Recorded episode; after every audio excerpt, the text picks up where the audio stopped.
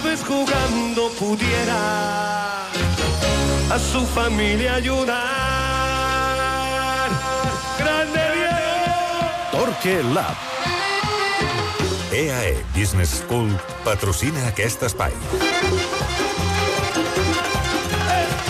Dos quarts i mig de vuit del vespre, no diríeu mai de què estàvem parlant mentre escoltàveu consells eh, publicitaris. Detalls. Parlem de detalls. Detalls, petits detalls que són el que fan que sàpigues a quina hora vius i a quina... Aquí i a, allà. I a quina no. Per exemple, dubto que sàpiga a quina hora viu uh, streamer Torquemada, ara més conegut com a Padremada. Ricard, bona tarda. Padremada. Ma. Bona tarda. Tampoc sé quina hora, eh, ni quina hora és ni quin dia. El dia tampoc el sé. Ah, mira, doncs avui, avui és 29 de novembre, l'aniversari del Barça. Imagina't. Ah, i, i és dimarts, no? Sí, per tot el dia. Molt bé. Ja, Tot, tot això Ja ve, col·locat. Tot això ve perquè al Miguel Rico li ha semblat que el meu rellotge és massa gran i eh, I- s'ha donat que I el li de li dia també. massa gran i a més amb l'horari de Los Angeles, cosa que... Home, sí, És clar, és que curiós. això Quan fa no és gaire canvi? normal, clar. uns quants dies, però segueixo amb el... Tinc l'horari d'aquí al mòbil i el, el d'allà ah, al, al rellotge. Molt bé. Bé, així, així ho tens tot controlat.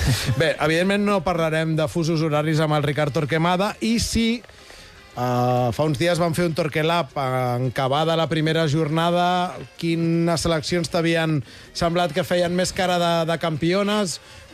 Si no em falla la memòria, parlàvem de França, parlàvem de Brasil, parlàvem d'Anglaterra, i crec que hi vas incloure Espanya, potser Portugal també? No, No, Portugal no, eh?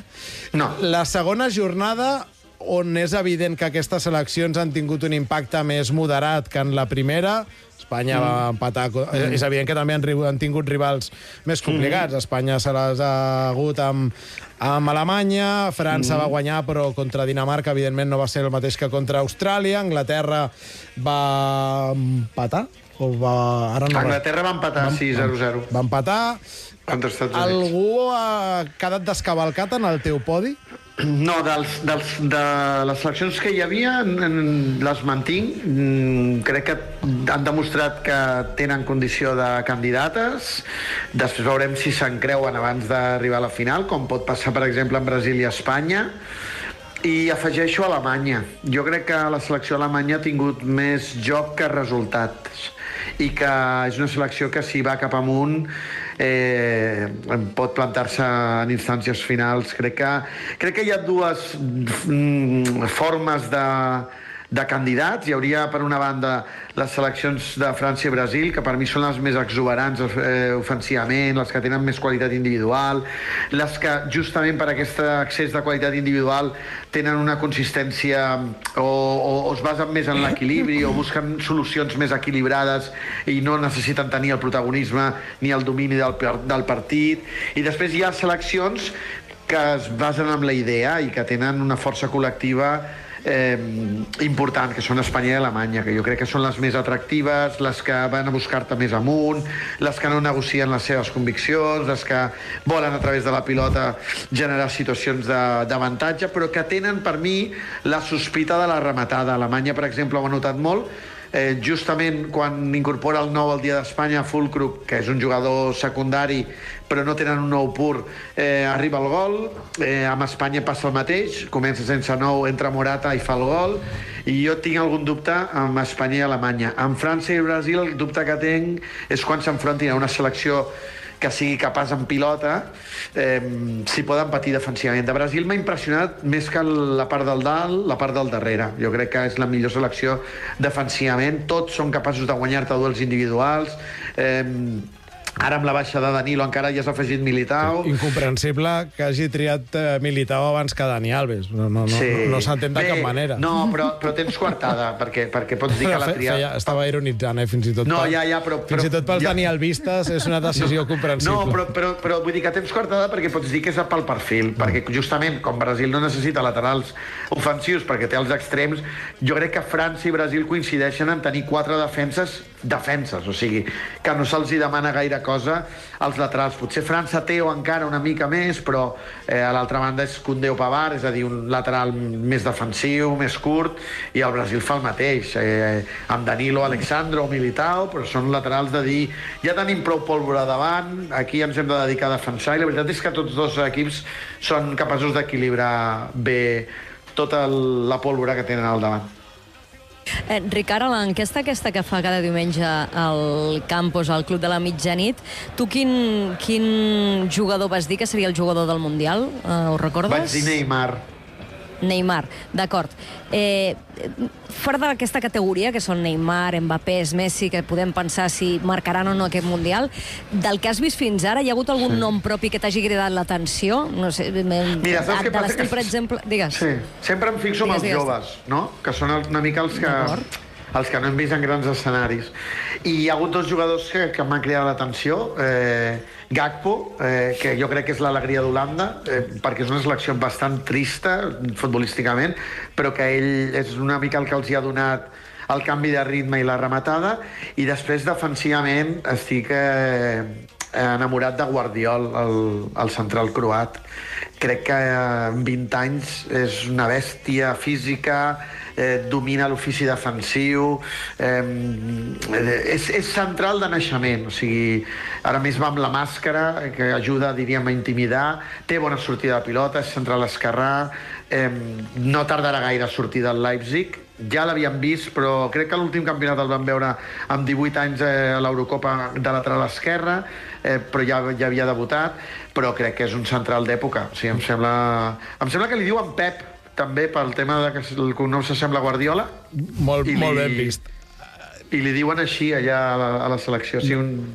Són dos jugadors que m'han cridat l'atenció. Anava a, dir que, anava a dir que un dia, fa temps, et vas enamorar de Condé i Condé ha acabat al Barça. A més, vas fer servir una expressió com molt, molt romàntica, avui no, no tant, però Condé, Guardiol, com a eix de la defensa de futur, ens agrada. I, i, i, Home. i si portem Guardiola i Guardiola allà, fem rua. Bueno, que t'has d'escarrar, eh, el Guardiol. Sí, sí. I, i l'altre és dretà, però és bastant bon No, per entrenador. això et dic que has fet una... Ara Una bona parella, no? Que fos Ah. la parella perfecta. Ah, sí, sí, i tant, i tant, i tant. A veure, uh, què més? Uh, el, Ricard diu, precisament a tom de- d'aquesta enquesta que fa el campus dominicalment, uh, el Ricard sostenia encara diumenge la candidatura de- d'Argentina, que és una cosa que, sent un home absolutament racional com ets, em costa. Sí. Sí. A tu també, eh? Des del punt de vista racional no tinc, no tinc arguments Molt bé. per defensar-ho. No, no. Mira, perquè ja posats a fer, com que no sé qui guanyarà, doncs m'hi quedo allà. I sempre tinc la flama encesa que a les eliminatòries doncs tinguin comportaments, diríem, quan no hagin de tenir la iniciativa, quan siguin més... O sigui, quan no tinguin la sensació que estan obligats, que la tindran sempre, eh? però potser amb les seleccions més potents, que s'hi puguin acomodar millor...